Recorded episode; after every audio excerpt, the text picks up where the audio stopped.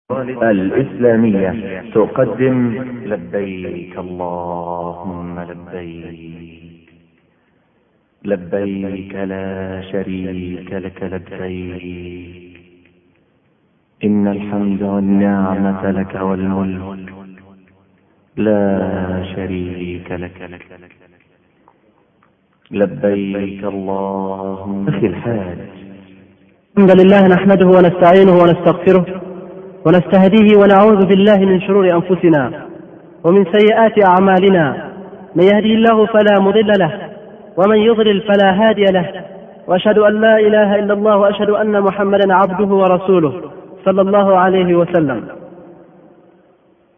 ክቡራትን ፍትዋትን ንዝኾንኩም ኣሕዋትናን ኣሓትናን ሑጃጅ በይቲላሂል ሓራም እንኳዕ ብደሓን መጻእኩም። ምእንቲ ናይ ረቢ ጸውዒት ኢልኩም ስድራኹምን ናብራኹምን ራሕሪሕኩም ዓድኹም ገዲፍኩም ነዚ ክትብሉ ሽግርን ድኻምን ተሰኪምኩም ባሕሪ ሰጊርኩም ናብዚ ደበኽ ኢልኩም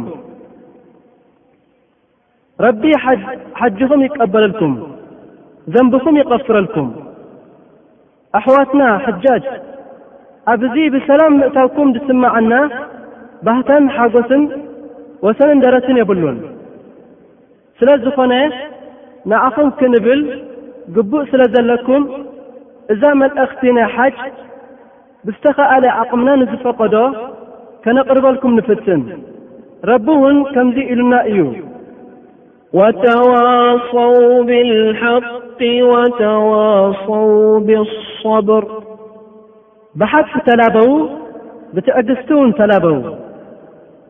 ከምኡውን ምኽታብ ትእዛዝ ናይቶም ፍትውናን ፍተውናን أبنتون زقن نبينا محمد صلى الله عليه وسلم كمز يبلو قال رسول الله - صلى الله عليه وسلم مثل المؤمنين في توادهم وتراحمهم وتعاطفهم كمثل الجسد الواحد إذا اشتكى منه عضو تداع له سائر الجسد بالسهر والحمى رواه البخاري ومسلم ምሳሌ ናይ ሙእሚኒን ኣብ ፍቕሮምን ርህራሄኦምን ምትሕቕቓፎምን ከም ሓደ ኣካል እዮም።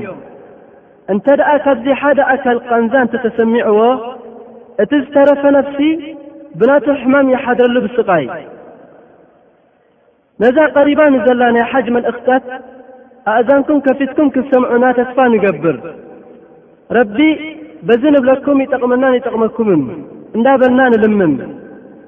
ኣቀራርባ ናይዛ መልእኽትና ከምዚ ዝስዕብ እዩ።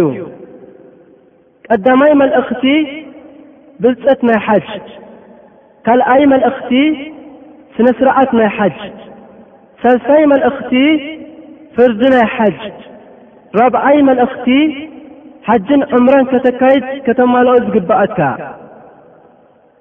ሓምሻይ መልእኽቲ እዋንን ቦታን ናይ ሓጅን ዑምራን ሻድሻይ መልእኽቲ ሙሕሪም ዝኽልከለሉ ነገራት ሻውዓይ መልእኽቲ መግለጺ ናይ ሓጅን ዑምራን። ሻምናይ መልእኽቲ ገለ ገጋታት ዝርከብ ን ኣብ ሓጅ። ታሽዓይ መልእኽቲ ዓባይ ለበዋ። ኣሽራይ መልእኽቲ መዲና ብልጸት ናታ። ቀዳማይ መልእኽቲ ናይ ብልጸት ናይ ሓጅ። ነዚ መጺእኹሞ ዘለኹም ክሳብ ክንደይ ዝኾነ ኣጅሪ ከም ዘለኩም ትፈልጡዶ? ደስ ይበልካ ክቡር ሓወይ ናይ ሓጅ ብልጠት ብዙሕ እዩ እንተኾነ ግን ካብኡ ከየብዛሕኩ ቅንጭብ ኣቢለ ከቅርበልካ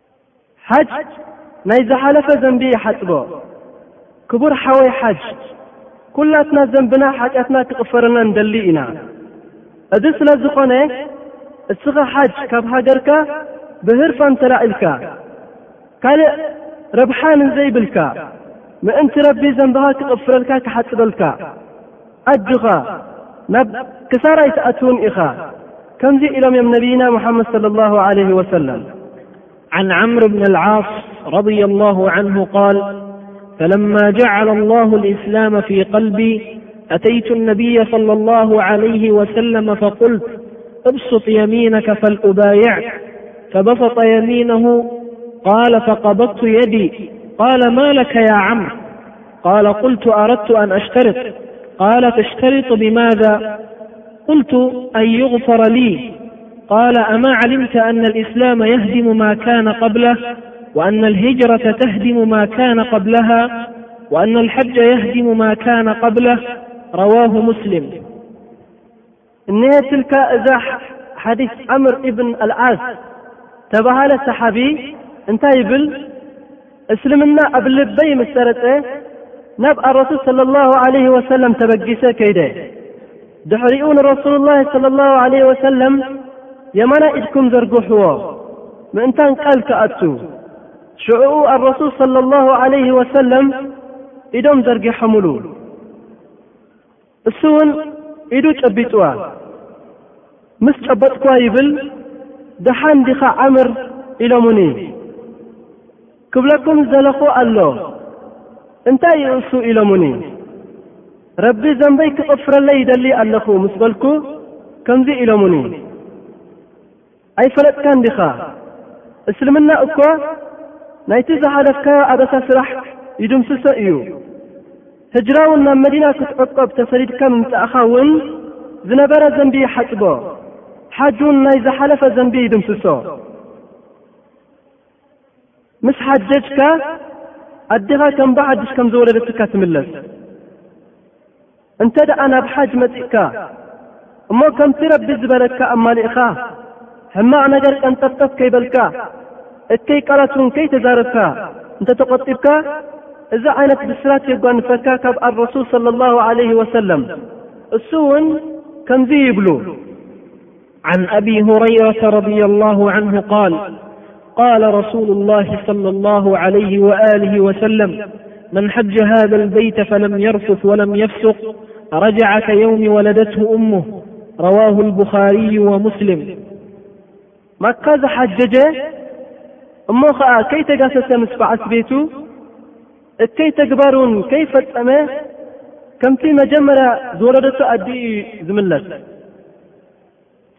እዚ ተባሂሉ እንተፈፂምካ ከም ዕሸል ቆልዓ ካብ ማህፀን ኣዲኡ ምስ ወፀ ብዘይ ገለ ዘንቢ ንፁህ ዝወፅእ እስኻ እውን ካብ ዘንቢ ተናጊፍካ ትምለስ ሓጅ ዝበለፀ ተግባር እዩ ብድሕሪ እምነትን ቃልስን ኣብ ሁረይራ ዝተባሃለ ሰሓቢ ከምዚ ኢሉ የውርየልና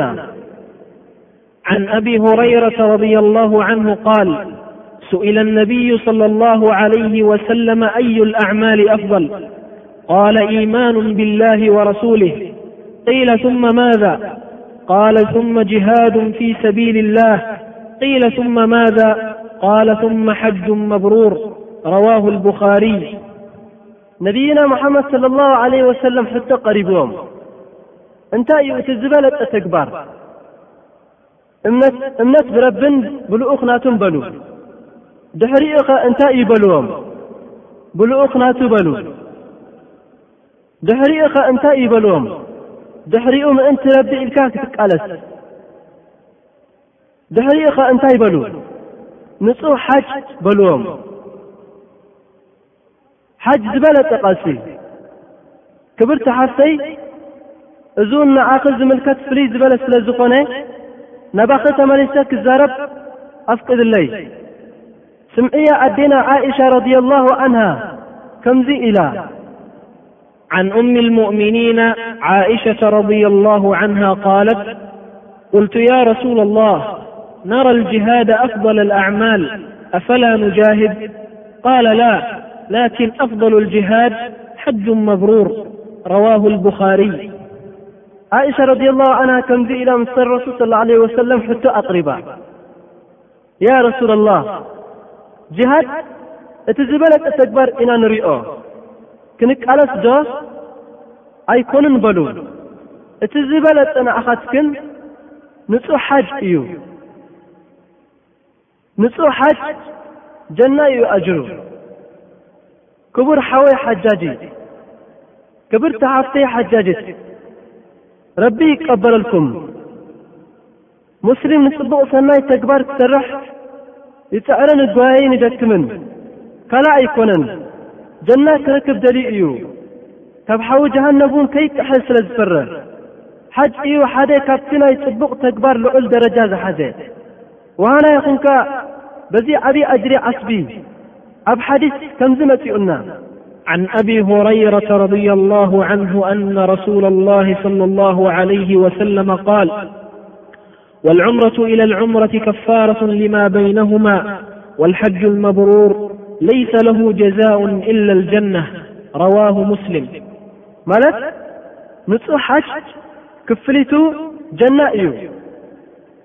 ካልኣይ መልእኽቲ ስነ ስርዓት ናይ ሓጅ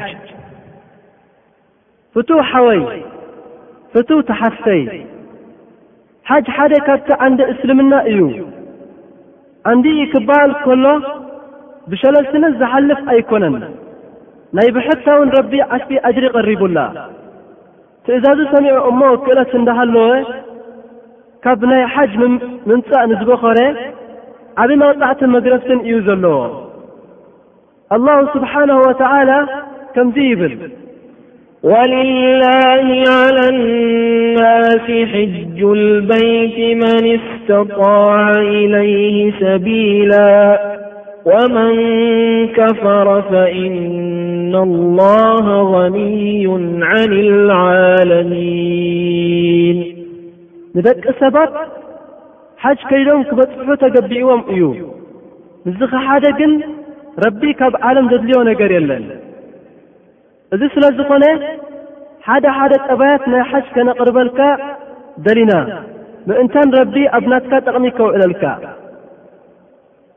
ብመጀመርያ ሓጅኻን ዑምራኻን ምእንቲ ረቢ ክኸውን ኣለዎ። ዘረባኻን ተግባራትካን ረቢ ዝፈትዎ ይኹን። ተጠንቀቕ ኢኻ። ንሓጅ ኢልካ ብግዳማዊ ትርኢትካ ንኸተምስል ገጽ ሰብ እንተ ደሊኻ ወይ ራእይለይ ስምዑለይ እንተ ኾይኑ ኣብ ጥፍኣት ነብስኻ ከይትእትዋ። ካልኣይ፣ ሓጅ እንተ ተበጊስካ፣ ብዛዕባኡ ትምህርቲ ወይ ዕልሚ ክትወስድ ኣለካ። እንተ ዘይተኻእለ፣ ምስ ናይዚ ዕልሚ ዝፈልጡ ሰባት ሓቢርካ ምስኦም ተተሓሒዝካ ኪድ። እዚ ዕድል እንተ ዘይረኸብካ፣ ናይ ሓጅ ኪታብ ኣለካ ምሳኻ ሒዝካዮ ተጓዓዝ።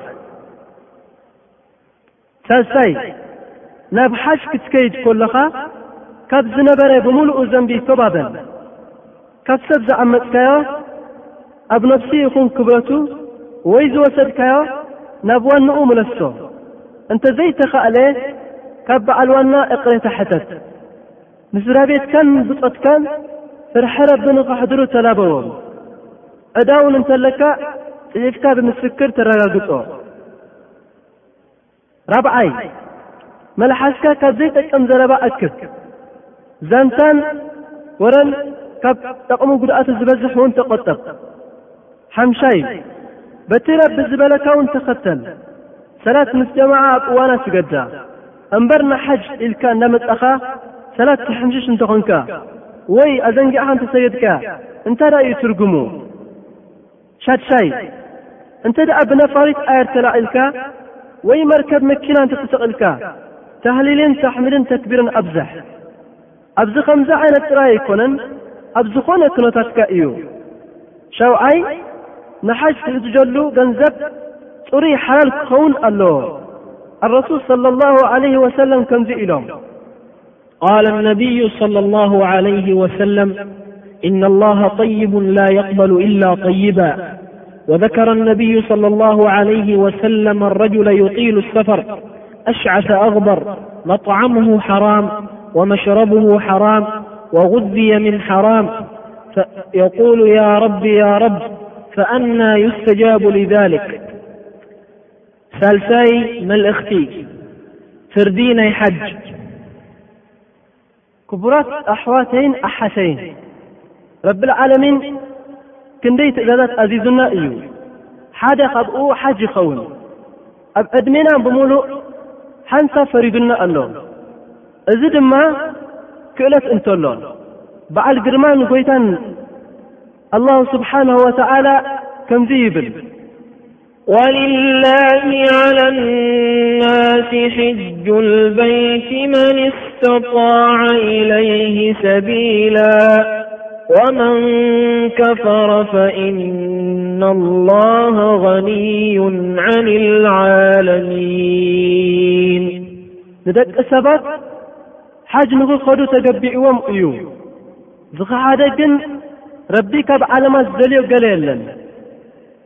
الرسول صلى الله عليه وسلم ون كنزيبل عن عبد الله بن عمر - رضي الله عنهما - قال قال رسول الله - صلى الله عليه وسلم - بني الإسلام على خمس شهادة أن لا إله إلا الله وأن محمدا رسول الله وإقام الصلاة وإيتاء الزكاة وحج البيت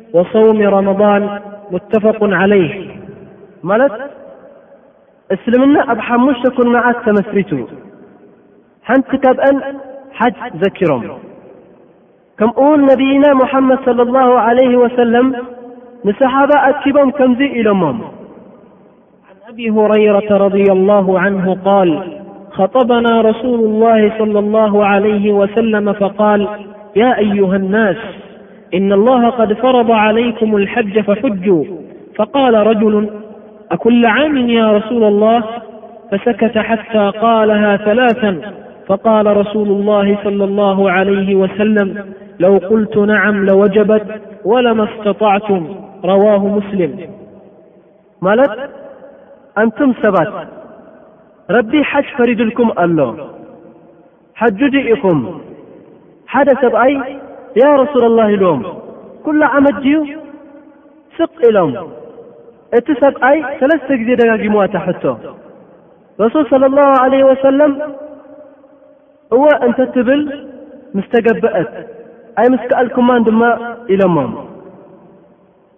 ርኣይ ሓወይ ረቢ ንዓና ክሳብ ክንደይ ይልዋሃልናን ይልግሰልናን ኩሉ ዓመት ናብ ማካ ንክንመጽእ ናይ ግድን እንተትኸውን መን ምስ ከኣሎ እታ ዝተፈረደትና ሓንሳብ እያ እንተደገምካ እንተወስኽካ ዝበለጸ እዩ ኣጅሪ እውን ትውስኽ ትዕወት ሓጅ ጥራሕ ኣይኮነን ሓንሳብ ተፈሪዱ ዘሎ ዕምራ እውን ኣብ ዕድሜና ሓንሳብ ተፈሪዳ እያ عن ابن عباس رضي الله عنهما أنه سمع النبي صلى الله عليه وسلم يقول لا يخلون رجل بامرأة إلا ومعها ذو محرم ولا تسافر المرأ إلا مع ذي محرم فقال له رجل يا رسول الله إن امرأتي خرجت حاجة وإني اكتتبت في غزوة كذا وكذا قال انطلق فحج مع امرأتك متفق عليه ራብዓይ መልእኽቲ ሓጅን ዑምራን ከተማልኦ ከተካይድ ዝግብኣካ ክቡራት ኣሕዋትና ሑጃጅ በይትላህ ልሓራም ክትፈልጦ ዝግብኣኩም ነገር እንተሎ ሓጅን ዑምራን ሽዱሽተ ነገር ከየማላእካ ዝቕበለሉ ጉዳይ የብሉን። እሳተን ከኣ ቀዳማይ እስልምና ናይ ሓጅ ተቐባልነት የብሉን ኣስላማይ እንተዘይኮይኑ ረቢ እውን ስብሓንሁ ወተዓላ ከምዚ ይብል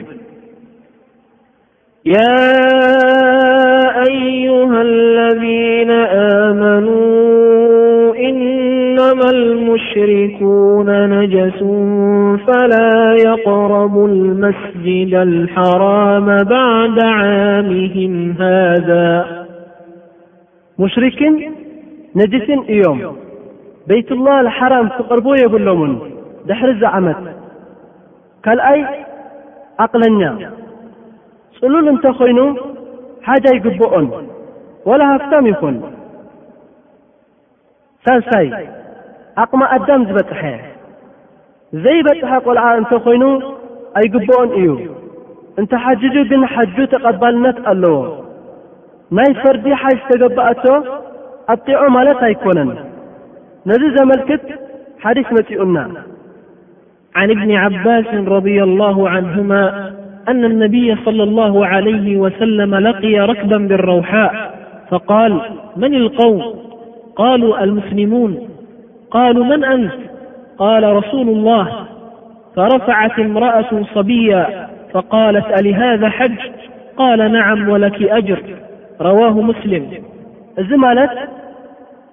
ሓደ እዋን ሓንቲ ሰበይቲ ቆልዓኣ ሓፍ ኣቢላ ነዚኸ ሓጅ ኣለዎ ዶ ኢላ ነቢና صለ ላሁ ዓለ ወሰለም ሓቲታቶም እሶም እወ ንኣኺ እውን ኣጅሪ ኣለኪ በልዋ ስለዚ ከምቲ ዝበልናዮ ኣቐዲምና ሽሕ እኳ ተቐባልነት ኣለዎ እቲ ሓጅ እንተበልና እቲ ቐንዲ ሓጅ ተገበኦ ግን ዓቕሚ ኣዳም ምስ በፅሐ ትእዛዝ ክምልከቶ እዩ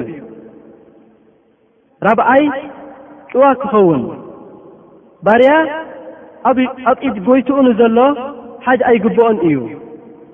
ሓምሻይ ክእለት ናይ ሓጅ ክህልወካ ብገንዘብ ይኹን ብኣካል ሓደ ሰብ እንተ ደኣ ክእለት ናይ ገንዘብ ኣለዎ ንክመጽእ ግን ድኽመት ናይ ነፍሲ እንተለዎ ኣብ ክንድኡ ኮይኑ ዝሕጅጅ ሰብ ክውክል ኣለዎ።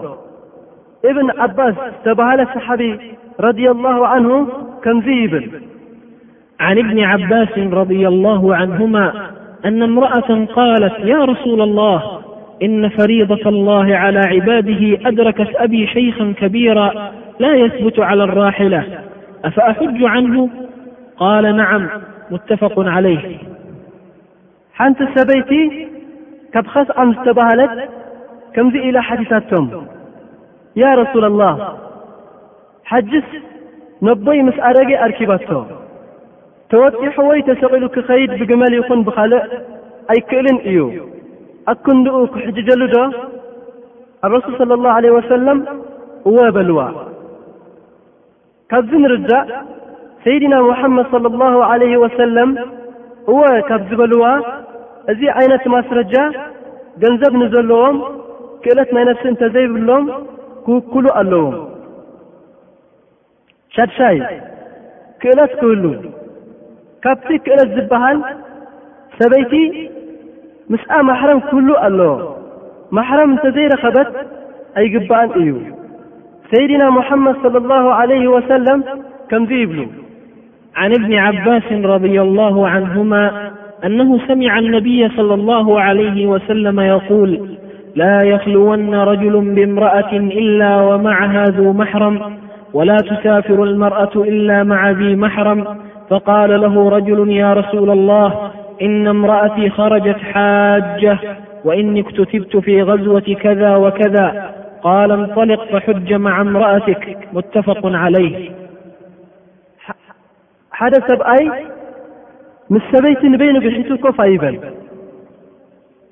ሓንቲ ሰበይቲ እውን ብዘይ ማሕረም ክትከይድ የብላን።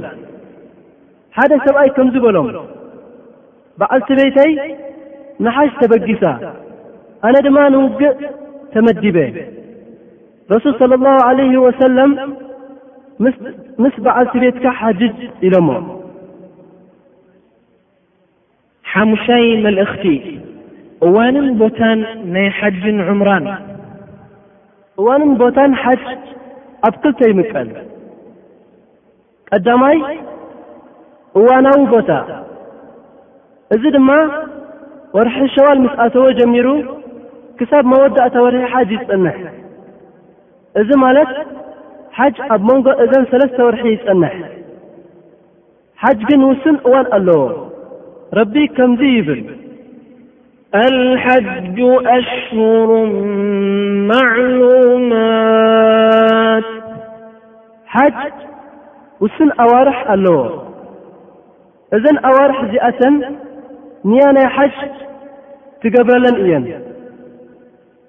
እቲ ሓጅ ዝጅምረሉ ግን ካብ ሻምናይ ወርሒ ሓጅ እዩ።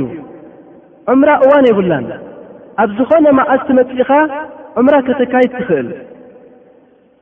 ካልኣይ ቦታ ናይ እሕራም ምስ ተኸደንካ ንያ ናይ ሓጅ ቦታ ኣለዎ። ንምሳሌ ኣብ መዲና ንዝቕመጡ ናይ ሓጅ ንያ ክጅምርሉ ዘለዎም ኣብ ዙልሕለይፋ ዝተባህለ ቦታ እዩ። ንደቂ የመን ውን ካብ የለምለም ይኸውን ናይ ዓድና ኤሕራም ግን ናይ ሓጅ ንያ ቦታ ናይ ኤሕራም ምስ ተኸደንካ ተልብያ ትጅምረሉ ካብ ራብቕ ዝተባሃለ ቦታ እዩ ንዕኡ ሓሊፍካ ኣብ ማእከል ጅዳ ብዘይ ኤሕራም ተኣቲኻ ናብዚ ዝበልናዮ ራብቕ ክትምለስ ኣለካ ሚእቲ ኪሎ ሜተር ኣቢሉ ይርሕቕ ካብ ጅዳ ካብኡ ተሕርም ግን ነዛ ራብቕ ሓሊፍካ ኣብ ማእከል ጅዳ ኮንካ እንተሕሪምካ ናብ ማካ እንተኸድካ መቕጻዕቲ ናቱ ደም ከተፍስስ ይግባኣካ ከም በጊዕ መሳሊ ስጋ ናይታ ዝሓረድካያ ኣብ ማካ ንዘለዉ ድኻታት ሃቦም። ሻድሻይ መልእኽቲ፣ ሙሕሪም ዝኽልከሎ ነገራት፣ ሙሕሪም ዝኾነ ሰብ ካብ ሕሜታ ሰብ ምጥቃስ፣ ቦክታ፣ ሕሶት፣ ሓራም ዝኾነ ንኽሰምዕ ኹን ናብ ዘይፍቀደካ ነገራት ክትርኢ እውን ክትክልከል ኣለካ። እዚ ዝተባህለ ክልኩል ኣብ ኩሉ እዋን እዩ፣ ሙሕሪም ኮንካ ጥራይ ኣይኮነን። ፍሉይ ዝኾነ መጠንቀቕታ ንሙሕሪም። ኣብ ሰለስተ ይክፈል። ቐዳማይ ክፍሊ ኩልኩል ዝኾነ ሓራም እዩ ንሰብኣይ ይኹን ንሰበይቲ። እሱ ድማ ሓደ ጨጉሪ ርእስኻ ኣይተሕጽሮን ኣይትላጽዮን ኢኻ። ካብ ዝተረፈ ኣካላትካውን ኣይተልግሶን ኢኻ። ጨጉሪ እንተረጊፍካ ወይ ኣብ ዓይንኻ ወዲቑ እንተልገስካዮ ሓንቲ የብሉን። ርእስኻ ክትሓክኽ ትኽእል ኢኻ ከየበርታዕኻ ብመጠኑ። ክልተ ፅፍሪ ኣፃብዕቲ ኢድን ኣፃብዕቲ እግርን ክትቆርፅ የብልካን እንተ ደኣ ፅፍርኻ ተፊሩ ኣሕሚሙካ እንተልገስካዮ ሓንቲ የብሉን ሰለስተ ድሕሪ እሕራም ኣብ ክዳንካ ይኹን ኣብ ነፍስኻ ጨና ኣይትጠቀም ኣርባዕተ፣ ምግሳስ ጅማዕ ናብኡውን ዘቕርብ ግደፍ። ቃል ኪዳን ክትኣስር ይኹን ወይ ድማ ብስምዒት ሻህዋ ክትጥምት፣ ክትሕዝን፣ ክትስዕም ወዘተ ክልኩል እዩ። ሓሙሽተ፣ ጓንቲ ምኽዳን ይኽልከል። ሽዱሽተ፣ ናይ በረኻ እንስሳ ክትሃድን ይኽልከል። መተሓሳሰቢ! ካብዚ ዝተገለጸ ሓንቲ ካብኣተን ተፈጺምካያ እንዳፈለጥካ ከይረሳዕኻ መቕጻዕቲ ኣለዎ። እቲ መቕጻዕቲ ሰለስተ እዩ። ካብኣተን ሓንቲ ትመርጽ። እሱ ከኣኒ በግዕ ትሓርድ ወይ ሽዱሽተ ድኻታት ሰባት ተብልዕ ወይ ድማ ሰለስተ መዓልቲ ትጸውም። ብዛዕባ ምግሳስ ጅማዕ ከምኡውን ምህዳን ፍሉይ መውጻእቲ ኣለዎ።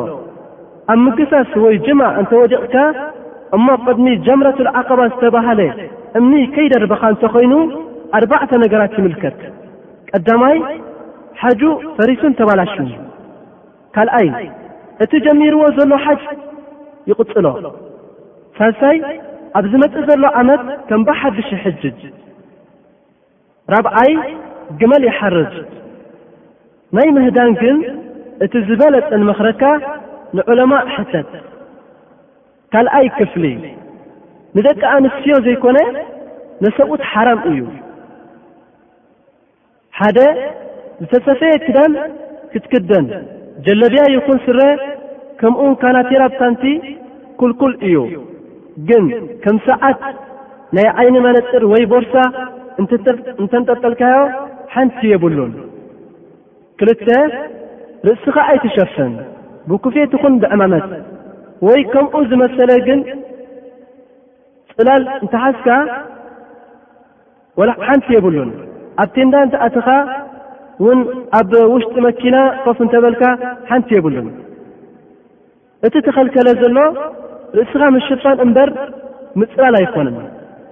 እዘን ክልተ ኣቐዲምና ዝዘከርናዮን እንዳፈለጥካ እንተፈጺምካዮ መቕጻዕቲ ኣለዎ።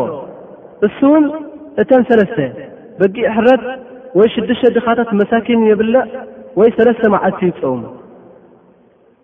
ሳልሳይ ክፍሊ ንደቂ ኣንስትዮ ዝኽልከል ብዘይ ደቂ ተባዕትዮ እሱ ንሓደ ነገር እዩ ንዓይና ጥራይ ዘርኢ ብርቆ ዝተባህለ ብኡ ገጻ ክትሽፍኖ የብላን እንዳፈለጠት ብርቆ እንተተኸዲና በጊዕ ትሓርድ ወይ ሽዱሽተ መሳኪን ተብልዕ ወይ ሰለስተ መዓልቲ ትጸውም ሻውዓይ መግለጺ መልእኽቲ መግለጺ ናይ ሓጅን ዑምራን እምበኣርከስ ሓጅ ካብቲ ቀንዲ ዒባዳ ስለ ዝኾነ እሞ ሓንቲ ካብተን ዓንዲ እስልምና ስለ ዝኾነት እዚኣ እንተ ጌርካ ዲንካ ኣማሊእኻ ስለዚ ዒባዳ ዝኾነ ነገር ክልተ ነገር ከየማልእኻ ተቐባልነት የብሉን እሱ ከኣኒ ሓደ እኽላስ ክህልዎ ኣለዎ። እዚ ድማ እቲ ትሰርሖ ስራሕ ምእንቲ ረቢ ክኾን ኣለዎ። ኣብ ረኣዩለይ ስምዑለይ ወይ ካልእ ዝደለኻዮ ነገር እንተተጸጊዑ ክኸውን የብሉን።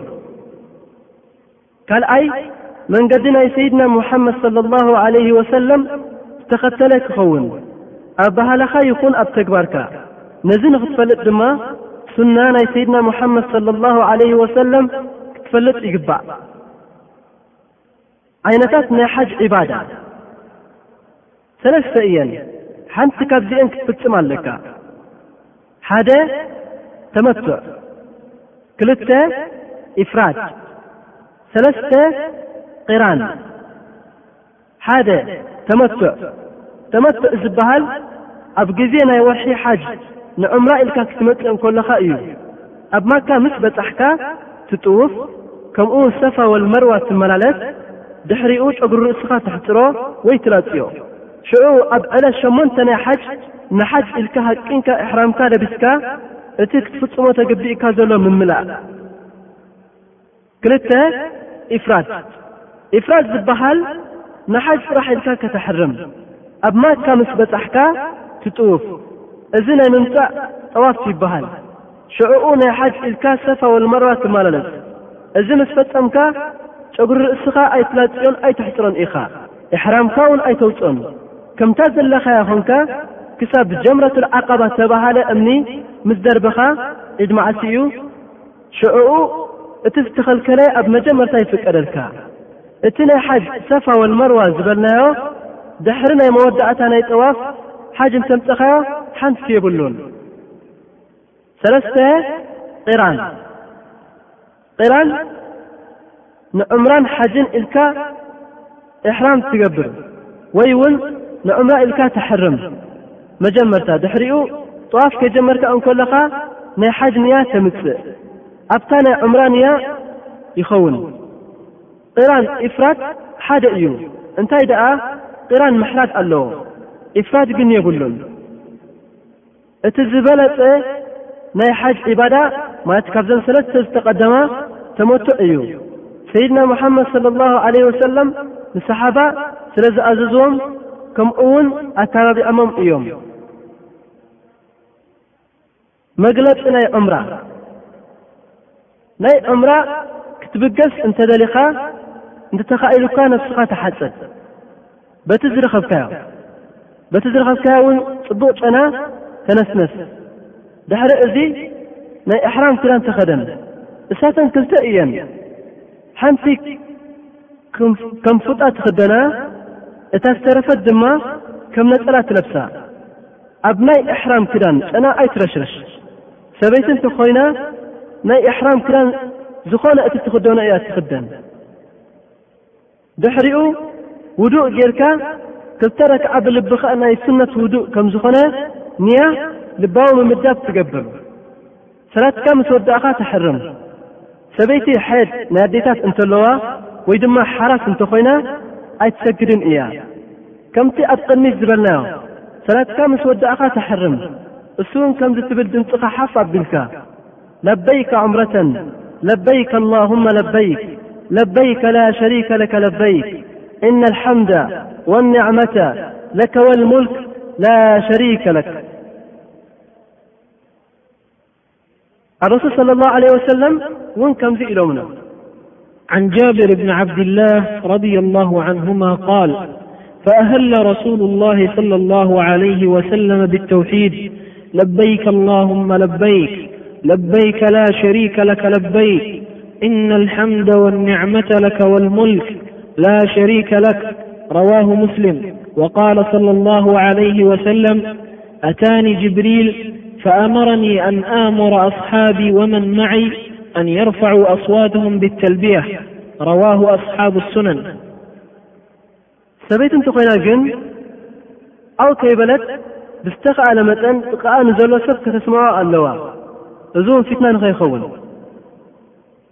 ለበይክ ማለት ነቲ ጸዊዕኻኒ ዘለኻ ነገር ሓጅ ይኹን ዕምራ ተቐቢለካ ኣለኹ።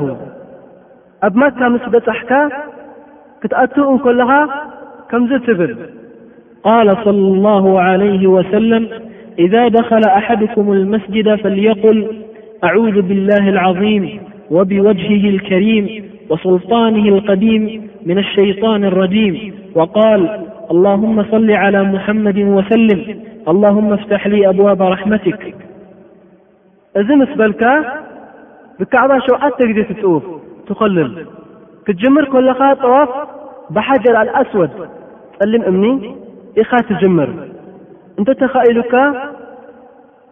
ብየማናይ ኢድካ ሒዝካ ነቲ ሓጀር ኣልኣስወድ ሰዓሞ።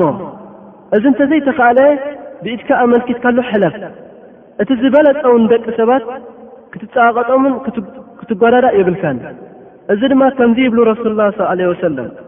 ቃለ ሰለላሁ ዐለይሂ ወሰለም يا عمر إنك رجل قوي فلا تؤذي الضعيف وإذا أردت استلام الحجر فإن خلى لك فاستلمه وإلا فاستقبله وكبر رواه أحمد والشافعي ጠዋፍ ከተካይድ እንከለኻ ኣብ ሩኩን ኣልየማኒ ዝተባህለ እንተ በጺሕካ ብኢድካ ሒዝካዮ ሕለፍ፣ ኣይትስዓሞ ኣይተመልክተሉ፣ ሰብ በዝሒ እንተሎ ኣይትጠቓቐጽ ብዘለኻዮ ቀጽል።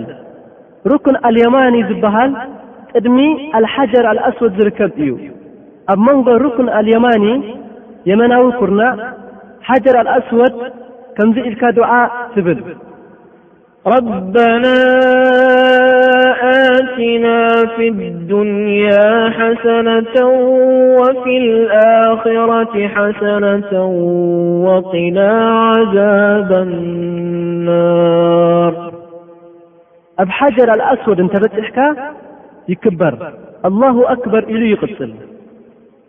ኣብቲ ዝተረፈ ጠዋፍ ምኹላል ግን ረቢ ዝክር ስብሓን ላህ ኣልሓምዱልላህ ወይ እውን ኣላሁ ኣክበር ወይ ድማ ዱዓ የካይድ ቁርን እውን ይቐርእ ኣብዚ ክንፈልጦ ዘለና ዝተፈለየ ዱዓ ወይ ዝቕራእ የለን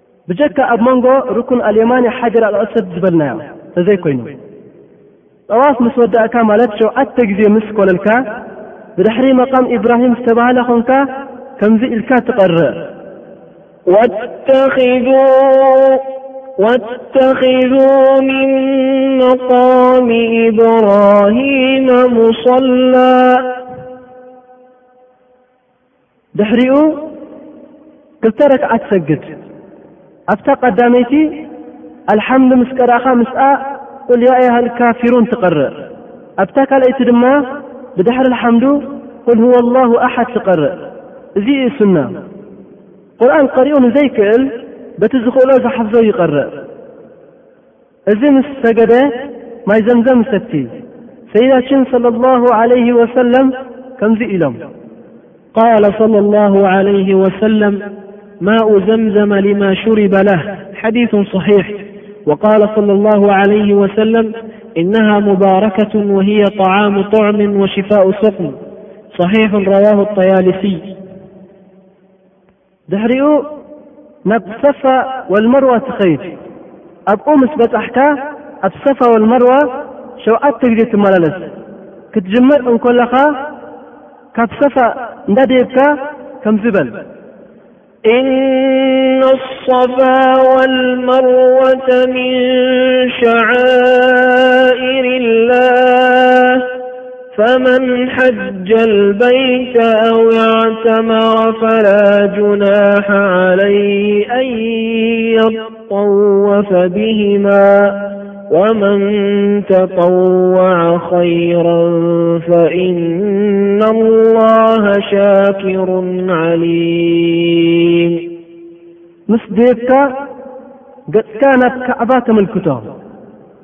كلت إدك حف قبلك كمز تبل كان من دعاء النبي - صلى الله عليه وآله وسلم - هنا الحمد لله ولا إله إلا الله والله أكبر لا إله إلا الله وحده لا شريك له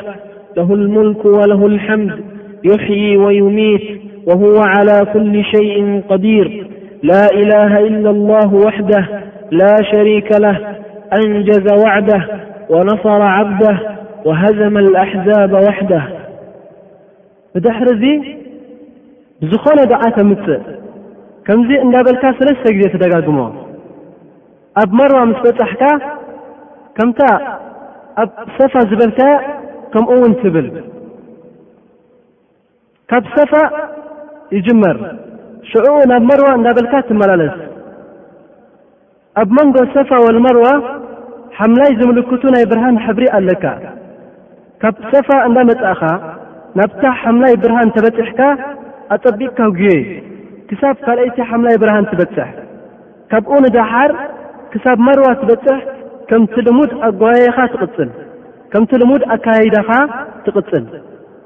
ከምኡውን ካብ መርዋ እናተመለስካ ኣብ መንጎ ሓምላይ ብርሃን ትረክብ። ካብኡ ጀሚርካ እውን ክሳብ እታ ካልኣይቲ ሓምላይ ብርሃን ትበጽሕ ጒያኻ ብርቱዕ ይኹን። ካብኡ ንደሓር ከምቲ ልሙድ ኣካይዳኻ ትኸይድ።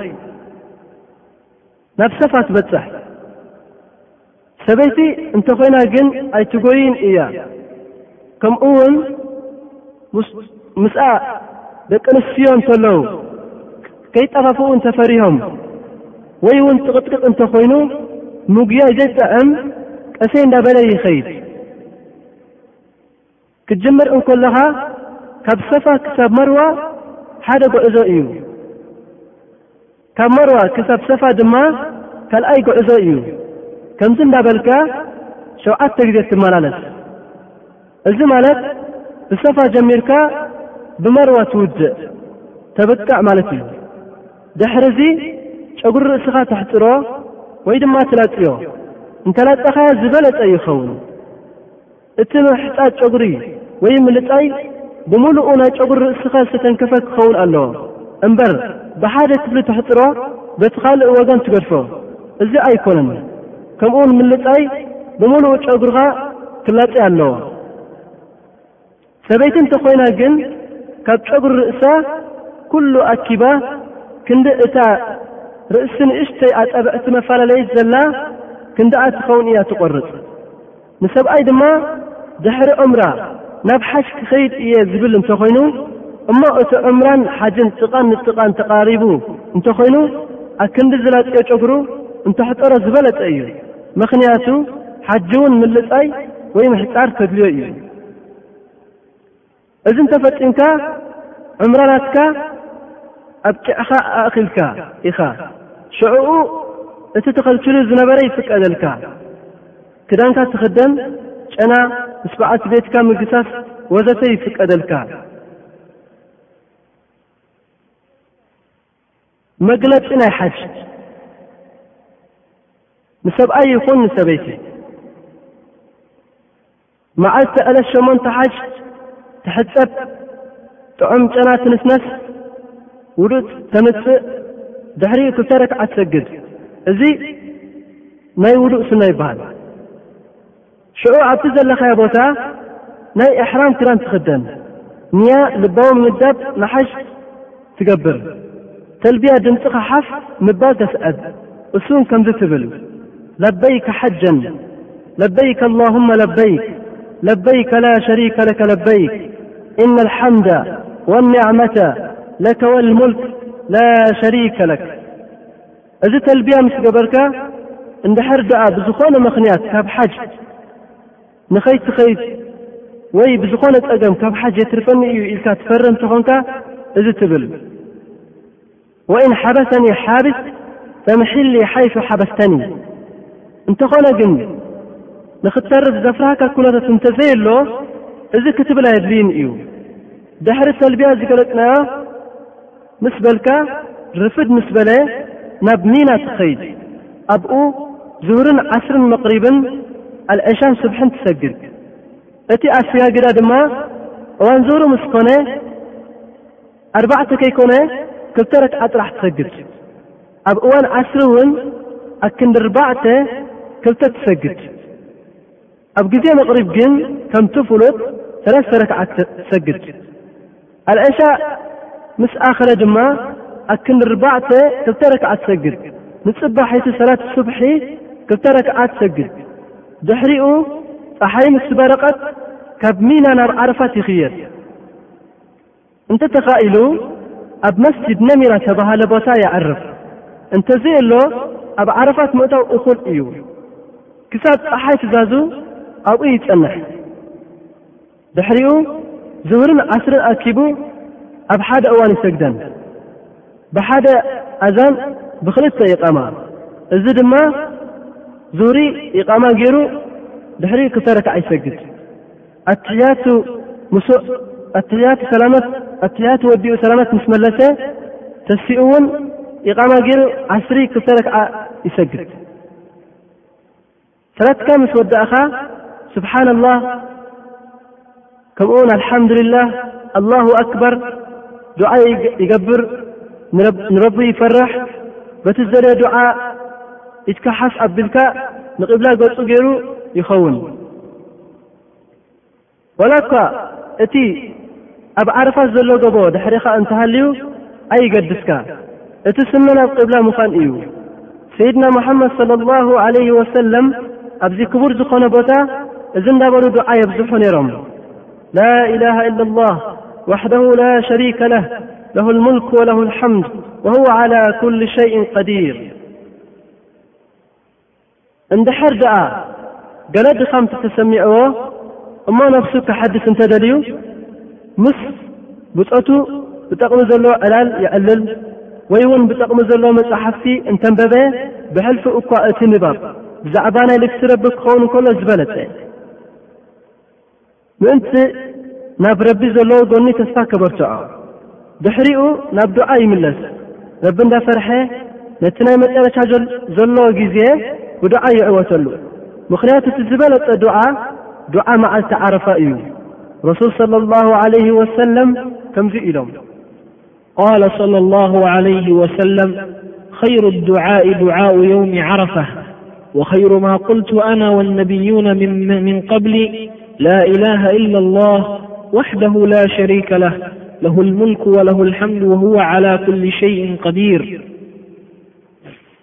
فحي مس ربت رف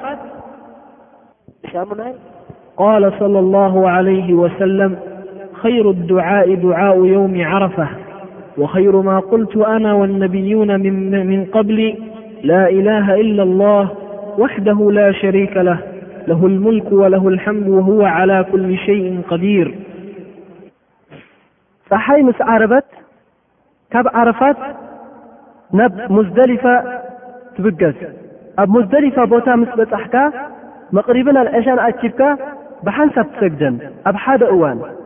መቕሪብ ሰለስተ ረክዓ ምስ ወዳእኻ ተሲእኻ ኢቓማ ጌርካ ኣልዕሻ ክልተ ትሰግድ። እንድሕር ድኣ ምናልባት ኣብ ሙዝደሊፋ ከይበጻሕካ እሞ ፍርቂ ለይቲ ኮይኑ ኣልዕሻ ናታ እዋን ክሓልፈኒ ኢልካ ትፈርር እንተኾንካ ኣብቲ ዘለኻዮ ቦታ ስገድ ናይ ግድነት ሙዝደሊፋ ዘይበጻሕኩ ኣይትበል ምኽንያቱ ሰላት ካብ ፍርቂ ለይቲ ንደሓር ኣልዕሻ የለን ኣብ ሙዝደሊፋ ይሓድር ንግሆ ተንሲኡ ፀሓይ ከይወፀአት ኣዛንን ኢቃማን ገይሩ ሱብሒ ይሰግድ መሽዓር ኣልሓራም ዝተባህለ ኣብኡ ኮይኑ ላኢላሃ ኢለላህ ኣላሁ ኣክበር እንዳበለ በቲ ዝደለዮ ዱዓ እውን የምጽእ እንድሕር ደኣ ናይ ናይ ቦታ መስጊድ መሽዓር ሓራም ክኸይድ እንተዘይከኣለ ኣብቲ ዘለዎ ቦታ ኮይኑ ላኢላሃ ኢለላህ እንዳበለ ኣላሁ ኣክበር ረቡ እንዳዘከረ ኢዱ ሓፍ ኣቢሉ ንቂብላ ገጹ ዱዓ የምጽእ እዚ ኸኣ ክሳብ ኣጸቢቑ ዝበርህ እሞ ቐድሚ ጸሓይ ምውጽኣ ናብ ሚና ይጓዓዝ። ንእግሪ መንገዱ ኣብ ኣብ ቦታ ዋዲ ሙሓሰር ምስ በጸሐ እንዳ ቐልጠፈ ተብተብ እንዳበለ ይሓልፍ። ድሕሪ'ዚ ኣብ ሚና ምስ በጽሐ፣ ኣብኡ ዝርከብ ጀምረተል ዓቐባ ዝተባህለ ሸውዓተ ግዜ እምኒ ይድርብየሉ። እቲ እምኒ ድማ ዓበይቲ ከይኰነስ ዳርጋ ጸጸር እዩ፣ ልክዕ መጠኑ ካብ ፍረ ዓተር ቁሩብ ዕብይ ዝበለ ክኸውን ኣለዎ። እምኒ ክትድርብይ እንከለኻ ምስታ ትድርብያ እምኒ ኣላሁ ኣክበር ክትብል ኣለካ። እዚ ምስ ፈጸምካ በጊዕኻ ትሓርድ።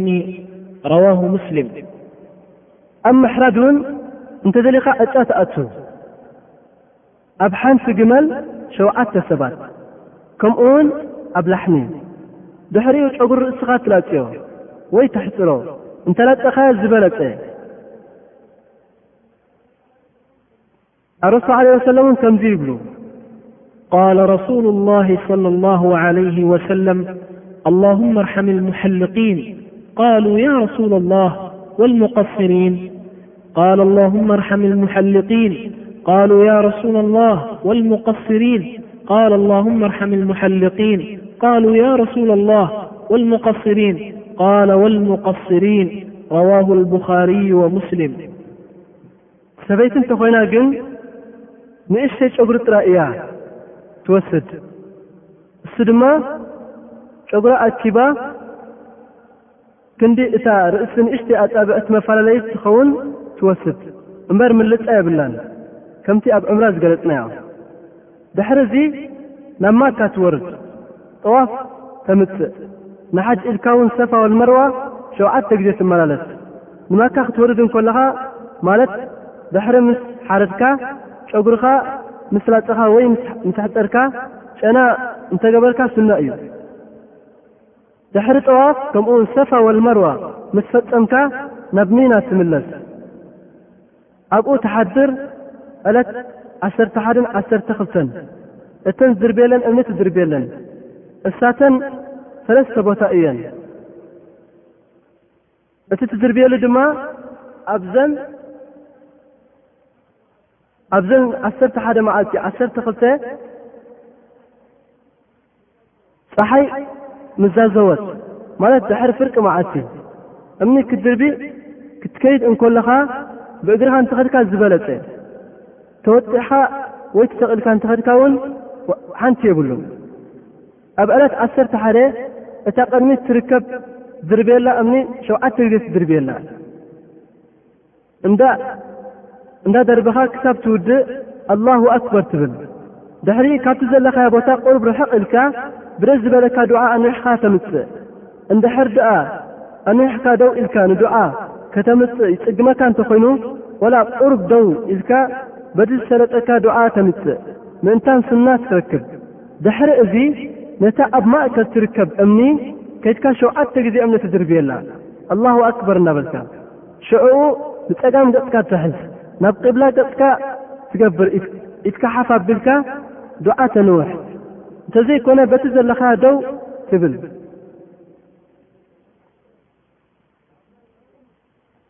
ኣብ ናይ ሓፍ ኣቢልካ ዱዓ ተንውሕ እንተዘይኮነ በቲ ዘለኻያ ብድሕሪኡ ናብታ መጨረሻ ናብታ ዘለኻያ ትኸይድ በቲ ዘለኻያ ትኸይድ ብድሕሪኡ ናብታ መጨረሻ ዘላ እምኒ ትድርብየላ ሸውዓተ ግዜ እምኒ ክትድርቢ ከለኻ ኣላሁ ኣክበር እናበልካ ምስ ወዳእኻ ዱዓ ከይገበርካ ትቕጽል። እዚ ምስ ወዳእካ ዕለት ዓሰርተ ክልተ ድማ ልክዕ ከምቲ ከምቲ ዝበልናዮ ትፍጽም። እቲ እምኒ ትድርብዮ ውን ኣብቲ ሓጽቢ ከተውርዶ ኣለካ። ድሕሪ እዚ ክትኸይድ እንተ ደሊኻ ናይ ታህዋኽ ኮይንካ ቁልጡፍ ቁልጡፍ እንተ ኮንካ ካብ ሚና ትኸይድ እንተ ዘየሎ መበል ዓሰርተ ሰለስተ ዕለት ኣብኡ ትሓድር። እዚ ድማ ከምቲ ረቡ ዝበለ ይኸውን።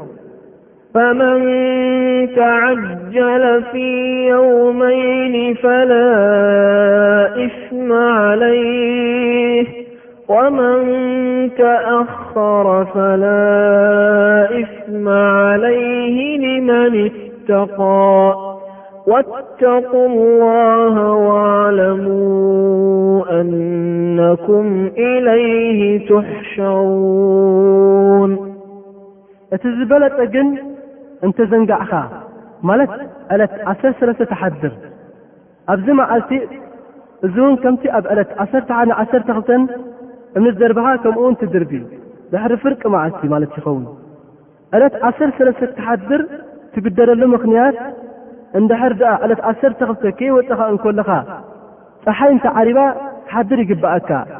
ሽዑኡ ንጽባሒቱ እተን ዝበልናየን ሰለስተ ቦታ ናይ እምኒ መደርበይ ትድርቢ። ድሕሪ እዚ ንመካ ትወርድ ጠዋፍ ተምጽእ። እዚ ጠዋፍ እዚ ናይ ፈነዋ ጠዋፍ ይበሃል። እዚ ከይገበርካ ዓድኻ ክትምለስ የብልካን። ኣረሱል ሰለላሁ ዓለይሂ ወሰለም ከምዚ ይብሉ። قال صلى الله عليه وسلم لا ينفر أحد حتى يكون آخر عهده الطواف بالبيت رواه مسلم والبخاري بنحوه ماي مودأت طواف كيطوف كخيد يبلن بجك دأ نسيت ناديتت ወርሒ ኣበባ ዘለዋ ወይ ሓራስ እዘን ክልቲኤን ናይ ፈነዋ ጠዋፍ ክገብራ ኣይግበእንን እዩ። ኣብ ጥቓ ማዕጾ ናይ መስጊድ መካ ውን ደው ክብላ ኣየድልይን እዩ። ሻሙናይ መልእኽቲ ገለ ጌጋታት ዝርከብ ኣብ ሓጅ። ክቡር ሓወይ ሓጃጂ ክብርቲ ሓፍተይ ሓጃጂት ብዙሕ። ሕጃጅ ኣብ ጌጋታት ይወድቁ እንተ ብዘይምፍላጥ ይኹን ወይ ካብ ትህኪ ዝተላዓለ ይኸውን ካብቲ ጌጋታት ውን ኣድላይ ንብሎ ክንዝክረልኩም ንፈቱ ቀዳማይ ጌጋታት ናይ እሕራም ሓደ ብዙሓት ሰባት እሕራም ምስ ተኸደኑ ብእዋኑ የማናይ ኢዶም የውፅዎ እዚ ጌጋ እዩ እቲ የማናይ ኢድካ ተውፃሉ ካብ እሕራም ኣብ ማካ ምስ በጻሕካ ጠዋፍ ከይጀመርካ ኮለኻ እዩ ሸውዓተ ጠዋፍ ምስ ወዳእኻ ድሕሪኡ ትሽፍኖ ብሕልፊ እኳ ኣብ ሰላት ክልተ ገለ ሰብ ድማ ኢሕራም ምስ ለበሰ ናይ ግድን ክልተ ረክዓ ክሰግድ ኣለኒ ይብል እዚ ኣይኮነን ክሰግድ እንድሕር ደልዩ ውድኡ ምስ ተዓጸበ ናይ ውድኡ ሱና ኢሉ ክልተ ረክዓ ይሰግድ ሰለስተ፣ ካብቲ ጌጋታት እውን ተልብያ ክጅምር እንከሎ ኣክንዲ ናቱ ዝገብር ብሓንሳብ ብሓደ ድምጺ ተኣኪቦም ይልብዩ። እቲ ተልብያ እንተጀሚሮ እውን ሓንሳብ ምስ በለ ድሕሪኡ ብጭራሱ ይገድፎ። እንተበለ ድማ ሳሕቲ ይብል። እዚ ድማ ጌጋ እዩ። ሓጃጃይ ዝተኸኣሎ መጠን ተልብያ ከብዝሕ ኣለዎ። ተኣኪብካ ብሓደ ድምጺ እውን ኣይትበል። ካልኣይ፣ ጌጋታት ኣብ ጠዋፍ ምኹላል ዝርከብ። ሓደ ሰብ ጠዋፍ ክጅምር እንከሎ ብኣፉ ነወይቱ ሓጅ ወይ ዑምራ ይብል። እዚውን ኣረሱል ሰለላሁ ዓለይሂ ወሰለም ኣይበልዎን፣ ሰሓባ እውን ከምኡ። እቲ ፍሉጥ ንያ ኣብ ልቢ እዩ። ክልተ፣ ሩኩን ኣልየማኒ ዝተባህለ ናይ ካዕባ ኩርናዕ ኣብኡ ምስ በጻሕካ ምስ በጽሑ ይስዕምዎ፣ እንተዘይከኣሉ ድማ ምልክት ይሕብሩሉ። እዚ ጌጋ እዩ። እቲ ዝተፈቐደ ብኢድካ ጥራይ ድርዝ ከተብሎ፣ እንተዘይተኻእለ ብዘለኻዮ ሕለፍ። ሰለስተ ኣብ ድሕሪ መቃም ኢብራሂም ጥቕኡ ኮይኖም ንኽሰግዱ ኣብ ጽቕጥቅጥን ምድፋእን ይኣትዉ። ክሳብ ክንድዚ ኣየድልን እዩ። እንተ ተረኸበ ጽቡቕ፣ እንተ ዘይኮነ ብድሕሪኡ ኣብ ዝኾነ ቦታ ስገድ። ከምኡውን ምስ ሰገደ ብሓንሳእ ተኣኪቦም ዱዓ ይቕበሉ። እዚውን ኣረሱል ሰለላሁ ዓለይሂ ወሰለም ኣይሰርሕዎን። ሳልሳይ፣ ጌጋታት ናይ ሰፋ ወል መርዋ፣ ሓደ፣ ገለ ሰባት ኣብ ሰፋ ምስ ደየቡ ንካዕባ እንዳጠመቱ ኢዶም ኣልዒሎም ከምዛ ንሰላት ሓፍ ነብላ ጌሮም ንካዕባ ይሕብሩ፣ እቲ ግቡእ ኣብ ሰፋ ምስ ደየብካ ክልተ ኢድካ ሓፍ ኣቢልካ ከምዛ ናይ ዱዓ ድሕሪኡ ዱዓ ተምጽእ።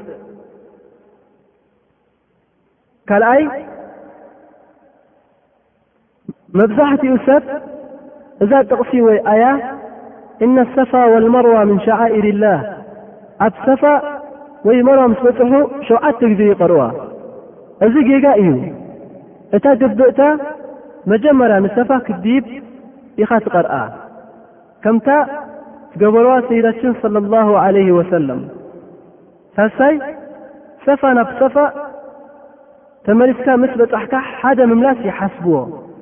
እዚ ከይኮነስ እቲ ግቡእ ካብ ሰፋ ናብ መርዋ ምስ በጻሕካ ሓደ ምምላስ ይሕሰብ። ራብዓይ፣ ካብቲ ጌጋታት እውን ጨጉሪ ርእሱ ክሕጽሮ እንተደልዩ ካብ ኩሉ ኣክንዲ ምውሳድ ሓደ ክልተ ካብ ርእሱ ሕልፍ ሕልፍ እንዳበለ ይቆርጾ። እንዳኸድካ ንዓረፋ ዝግበር ጌጋታት ሓደ ናብ ዓረፋ እንዳኸደ ኣው ኢልካ ተልብያ ምግዳፍ ክልተ ኣብ ዓረፋ ደው ካብ ምባል ተገዲፉ ካብቲ ቦታ ምውፃእ ሰለስተ፣ ኣብ ዓረፋት ንዘሎ ጎቦ ፍሉይ እምነት ቅዱሳዊ የሕድርሉ። ኣብኡ ይድይቡ፣ ይሰግዱ፣ ምስቲ ኣብኡ ንዘሎ ኦማት ይተሓሓዙ። እዚ ጌጋ እዩ። ኣብ ዓረፋት ኣብ ደለኻዮ ቦታ እዩ። ናይ ግድነት ጎቦ ምስቃል ኣይኮነን። ኣርባዕተ፣ ቅድሚ ጸሓይ ምዕራብ ካብ ዓረፋት ምውጻእ።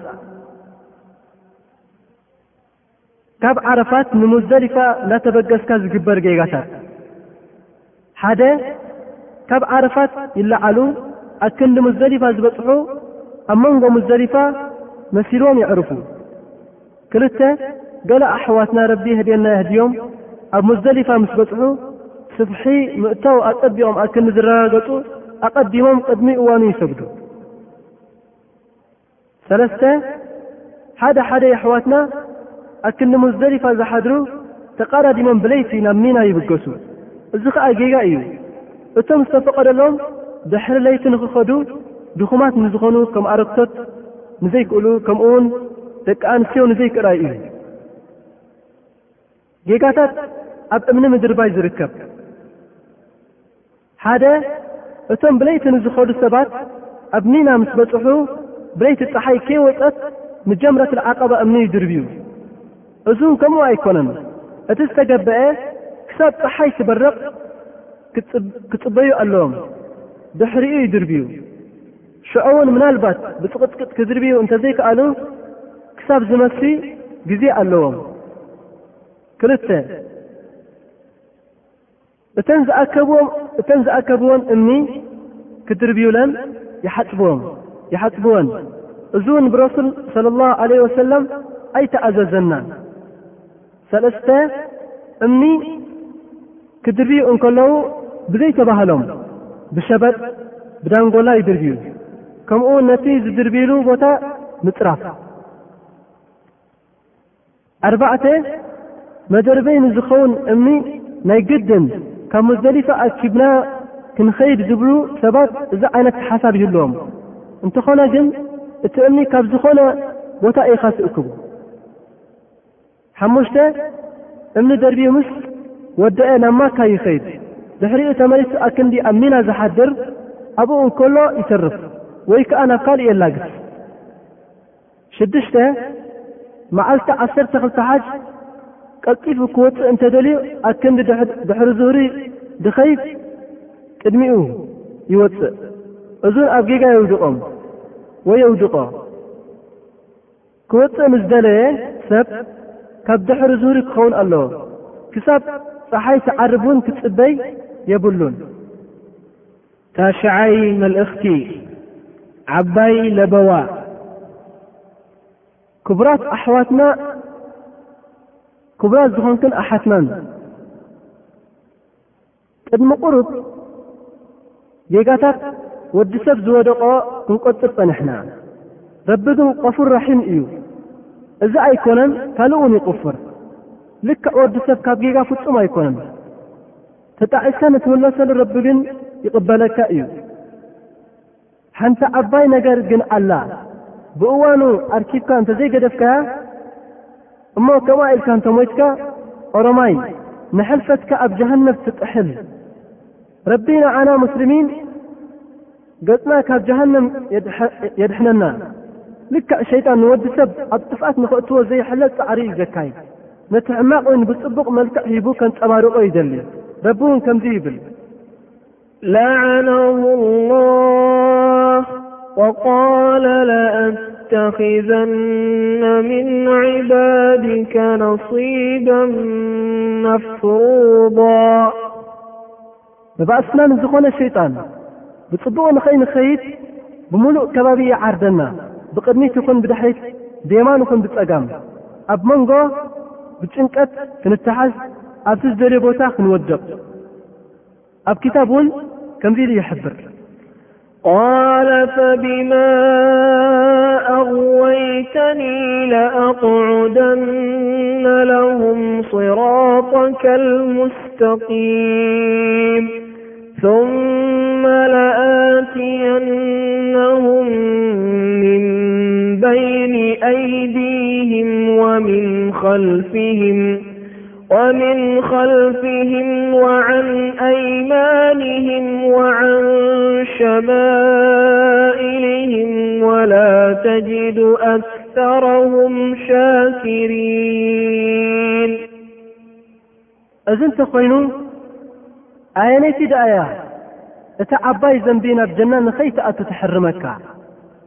ልክዕ ክሳብ ሕጂ ኣይተዘከረትን ኣስተባህል ካልእ ኣይኮነን ኣገዳስነታ እዩ ኣደንጊዋ ዘሎ እሳ ውን ክትፈልጣ እንተደሊኻ ሽርኪ እያ ንረቢ ሽርኪ ክትገብረሉ የብልካን እታ ዝኸፍእት ናይ ሸይጣን ፈተና ኣብ ሽርኪ ንኸውድቐካ እዩ ጻዕርናቱ ምኽንያቱ ሽርኪ ንሕልፈቱ ከምዘይቕፈር ስለ ዝፈልጥ።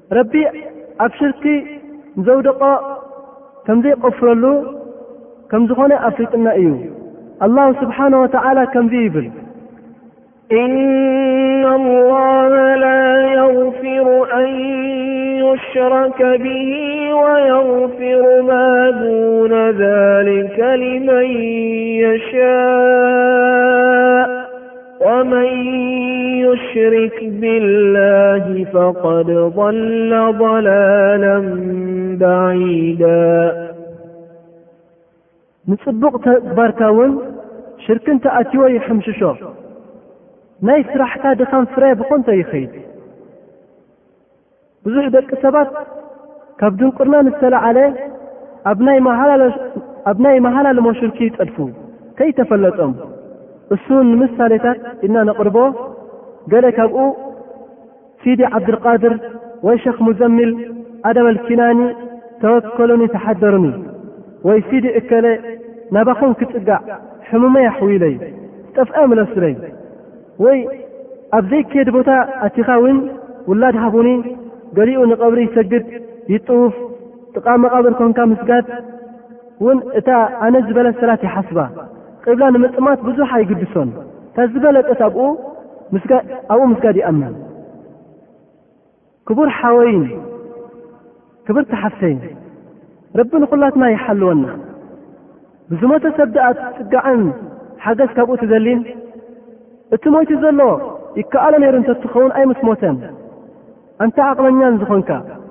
እዚ ወሊ ኢልካ ትግምቶ ወይ ሳልሒን ትብሎ ካብ ሰይድና ሙሓመድ ሰለላሁ ዓለይሂ ወሰለም በሊጹ ማለት ድዩ መሬት ንዕኦም ዝመስል ብልዕሊኣ ኣየሕለፈትን፣ ሰማይ እውን ካብኦም ዝበለጹ ኣየጽለለትን። ግን ሰይዳችን ሰለላሁ ዓለይሂ ወሰለም ኣፍሊጦሙና። ኣነ ንነብሰይ ዝጠቕማን ዝጎድኣን ዝመልከላ ኣብነት የብለይ።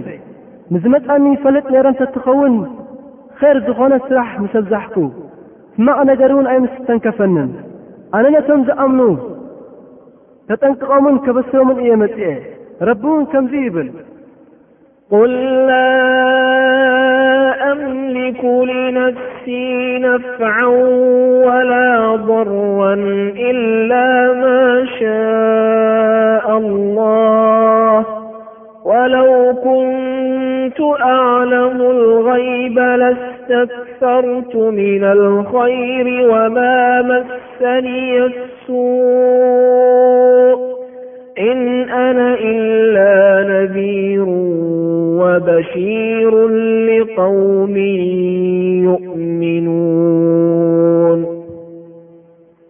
ረሱል ሰለላሁ ዓለይሂ ወሰለም ንነፍሶም ዝኣክል ዝጠቕማን ዝጎድኣን ኣይመልኩላን እዮም። እዚ እንዳተባህለ ብዝኾነ ሰብ እምነት ከተሕድር ወንጀል እዩ። ጽባሕ ዮም ኣልቅያማ መዓልቲ እቶም ንኣውልያ ወይ ጣዖት ዝግዝኡ ዝነበሩ ንነፍሶም ዘድሕኑ መሲልዎም ምእንቲ ናብ ረቢ ከቕርቡና ኢና ንግዝኦም ኔርና ይብሉ። ረቢ እውን ከምዚ ይብል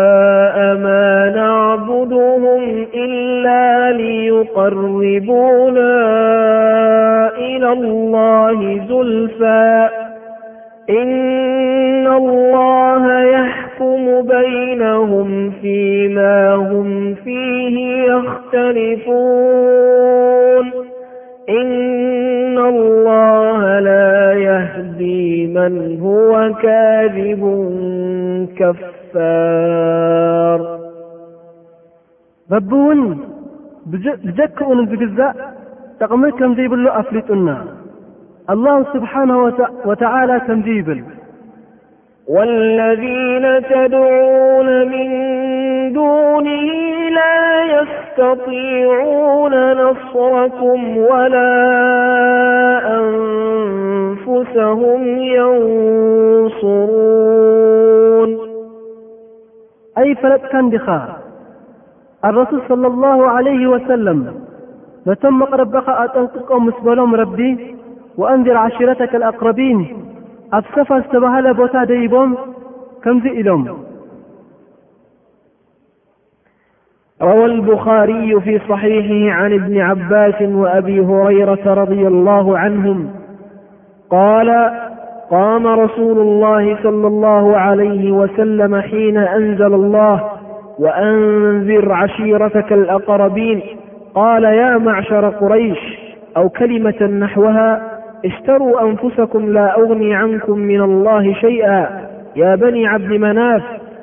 لا أغني عنكم من الله شيئا يا عباس بن عبد المطلب لا أغني عنك من الله شيئا يا صفية عمة الرسول - صلى الله عليه وسلم لا أغني عنك من الله شيئا ويا فاطمة بنت محمد - صلى الله عليه وسلم سليني ما شئت من مالي لا أغني عنك من الله شيئا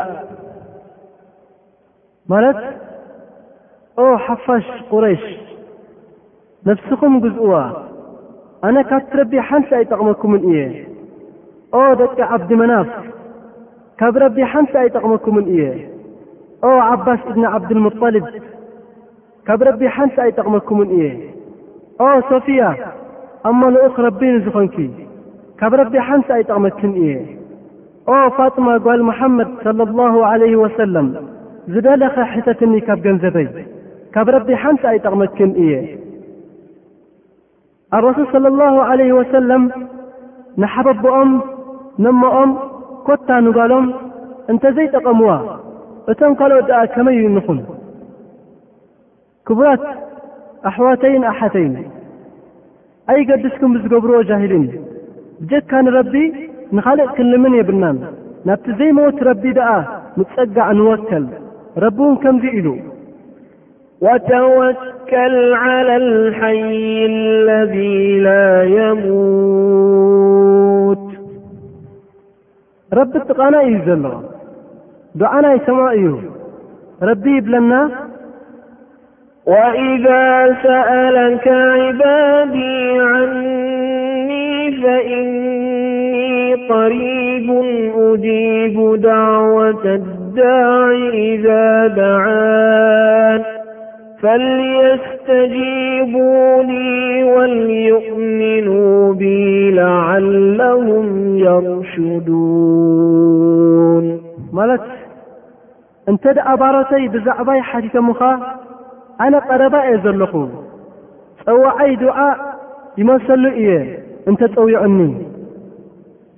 قبلات يحوات ربي حلونا يحلوكم فزال ب زهبو نبينا محمد صلى الله عليه وسلم نود حببؤم عبدالله بن عباس سبهل كمزبلو قال صلى الله عليه وسلم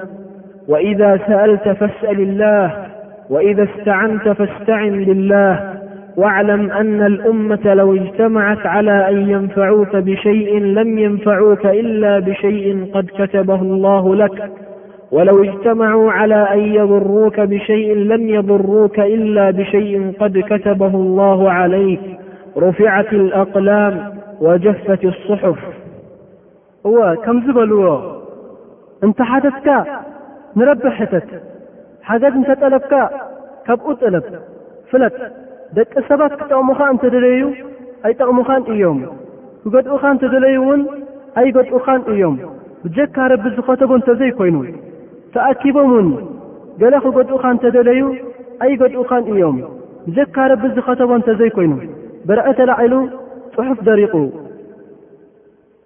እወ ክቡር ሓወይ ክብርቲ ሓፍተይ ጀና እንተደሊና ናይ ጀሃነብ መእጎዲ ንኸይንኸውን ረቢ ይሰልመና ካብ ሽርኪ ከይኮነስ ናብ ሽርኪ ዘቐርብ እኳ ክንቐርብ የብልናን ምኽንያቱ እቲ ዝዓበየ ዓመፅ ሽርኪ እዩ ስለዝኾነ ርስጢ ሽሻይ ውላድ ምስ ደሊ እቲ ዝደለየ ኩሉ ካብ ረቢ ይለምኖ ኩሉ ሰላትካ ይኹን ንምሕራስ ተቕርቦ ከም በጊዕ መሳሊ ንረቢ ልዓለሚን ይኹን እቲ ዝተረፈ ህይወትካ ሞትካን ነቲ ዝተገበኦ ኣላሁ ስብሓነሁ ወተዓላ ይኹን ረቢ እውን ከምዚ ይብል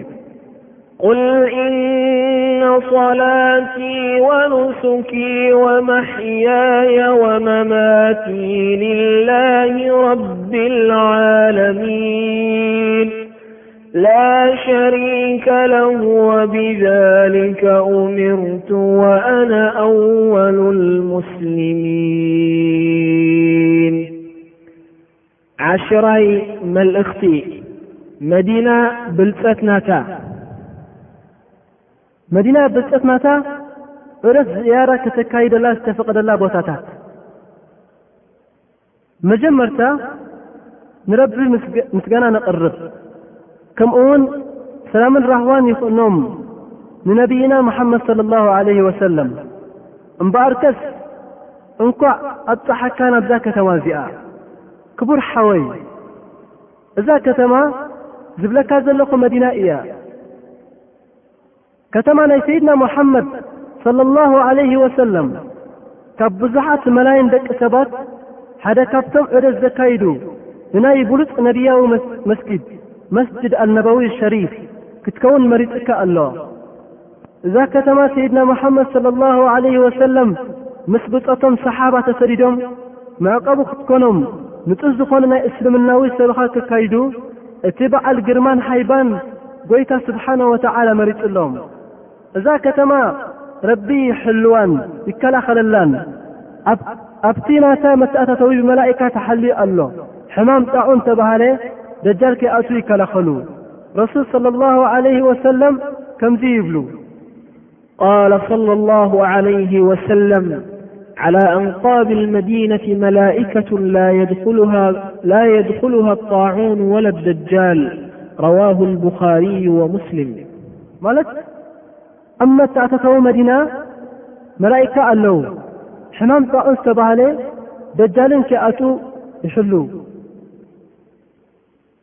እዛ ከተማ መዲና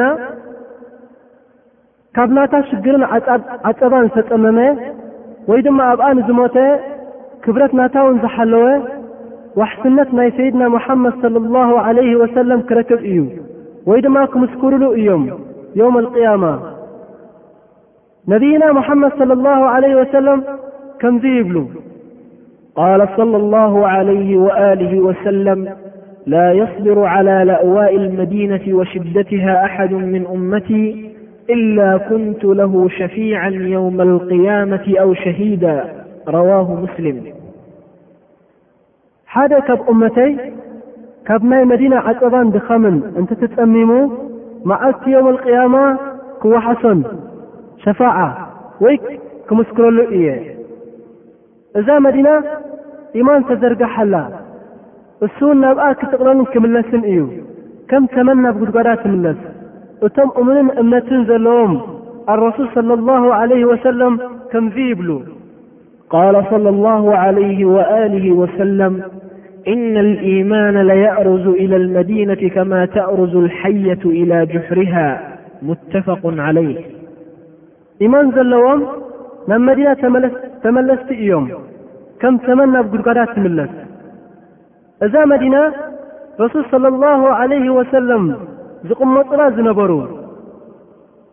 ብእግሮም ዝኸዱላ ጎደናታታ እዮም።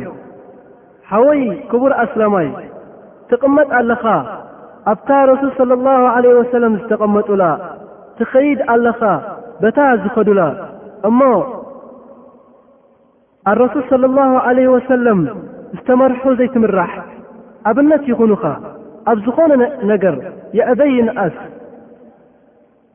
ክቡር ሓወይ ኣስላማይ ነብይና ሙሓመድ ሰለሏሁ ዓለይሂ ወሰለም ክትክተሎም ኣለካ ኣብ ኣባህላኻ ይኹን ኣብ ዘረባኻ ከምኡውን ተግባራትካ ዝወሓደ ከተካይድ ትኽእል እውን ኣብ መዲና ምስታ ናታ ዝሰማማዕ ክብረት ክትሕልው ኣለካ ገለ ካብኡ እውን ከምዚ ዝስዕብ ይኸውን ሓደ ትዕግስቲ ይኹን ሽልማትካ፣ ነቲ ሽግር ዘጓንፈካ ብሰፊሕ ደረትካ ተቐበሎ።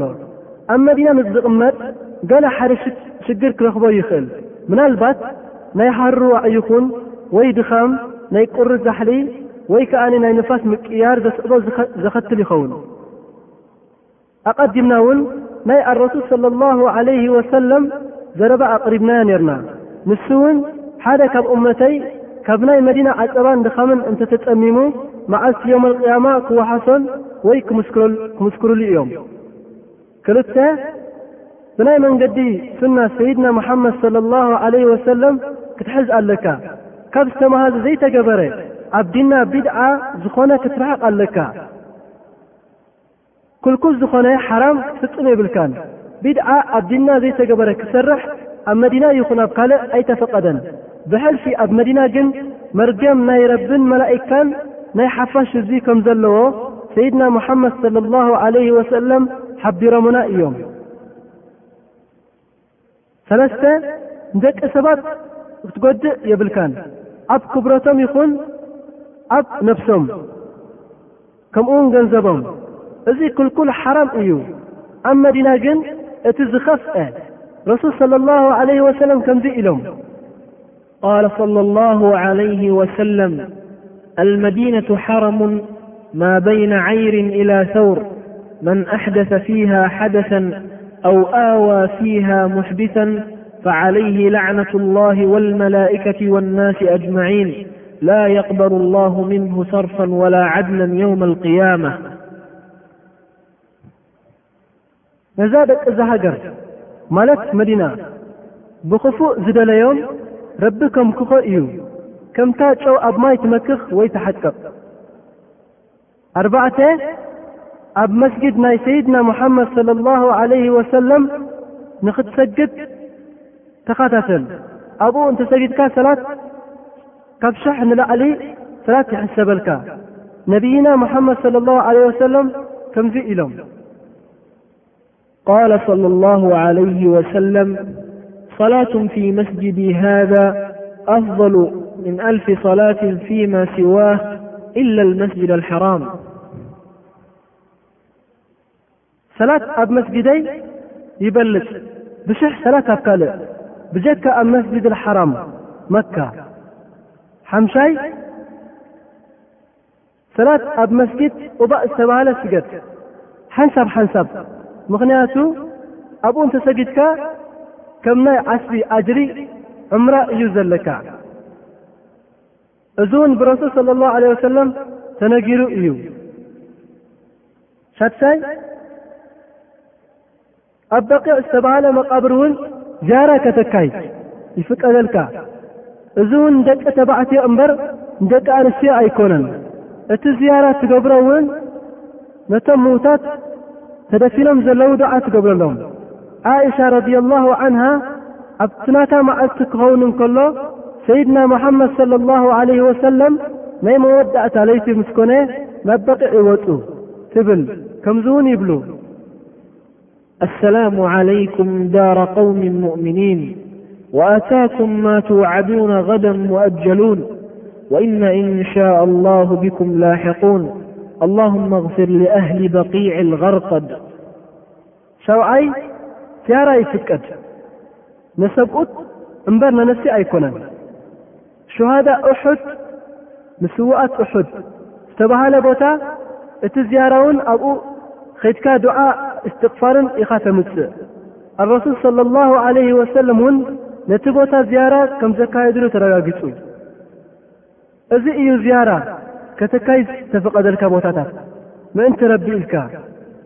ኣይገድስካ ክቡር ሓወይ ብዙሓት ከይተረድኡ ዝገብርዎ ዝያራታት ኣብ መዲና ንዘሎ ቦታ ኣጅሪ ወይ ዓስቢ ደልናል ተባሂሉ እዚ ግን ኣይተፈቀደን ብጀካ ኣቀዲምና ዝዘከርና እንተዘይኮይኑ ክቡር ሙስሊም ሓወይ ጽቡቅ ምምጻእ ይኹነልካ እንዳበልና ኣብዚ ጽቡቅ ዝኾነ ዓዲ እቲ ግዜኻ ብጽቡቕ ተጠቀመሉ።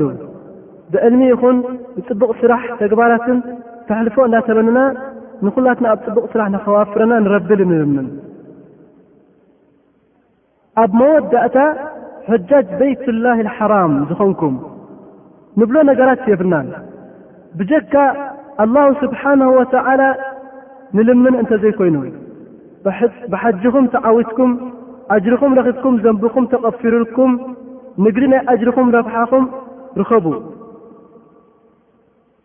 ካብ ጎይታ ኣላሁ ስብሓነ ወተዓላ ተስፋ ንገብር እዛ ዝቐረበት ትሕትና ዘለዋ መልእኽትና ተጠቂምኩም ክትከኑ ንምነ ኣብዛ መልእኽትና ትኽክል እንተሃልዩ ካብ ረቢልዓለሚን እዩ ንረቢ እውን ምስጋና ነቕርቦ ጌጋ ይኹን ምርሳዕ እንተ ተረኺብዋ ካባና ይኸውን ካባናን ካብ ሸይጣን ይኸውን ረቢ ክቕፍረልና ንልምን እስኻትኩም እውን ዝጎደሎ እንተሎ ይቕሬታ ንሓትት ከምኡ እውን ከይረሳዕና እንከለና ዘይተረድኣኩም ኩነታት እንተሃልዩ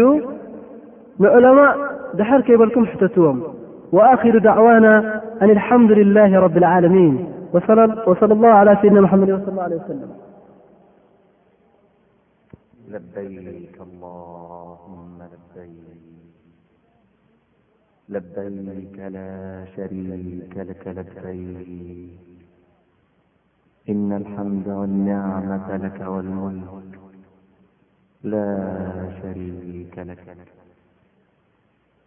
لكلبيك اللهمخ الحاج في بلد ودعك أهلووهنا يستقبلك أخوك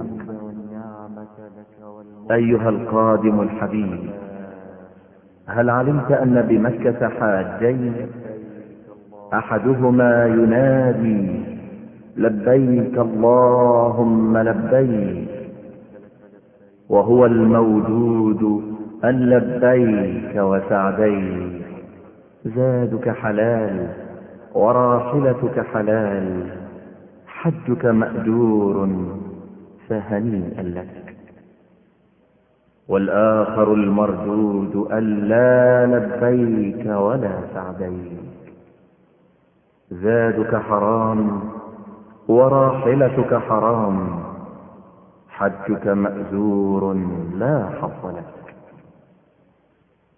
أخي الحبيب أليس هذا أوان التفتيش في نفسك وعسير المحاسبة لها لأي الحاجي تنتمو وأتموا الحج والعمرة لله فإن أحصرتم فما استيسر من الهدي ولا تحلقوا رؤوسكم حتى يبلغ الهدي بحلة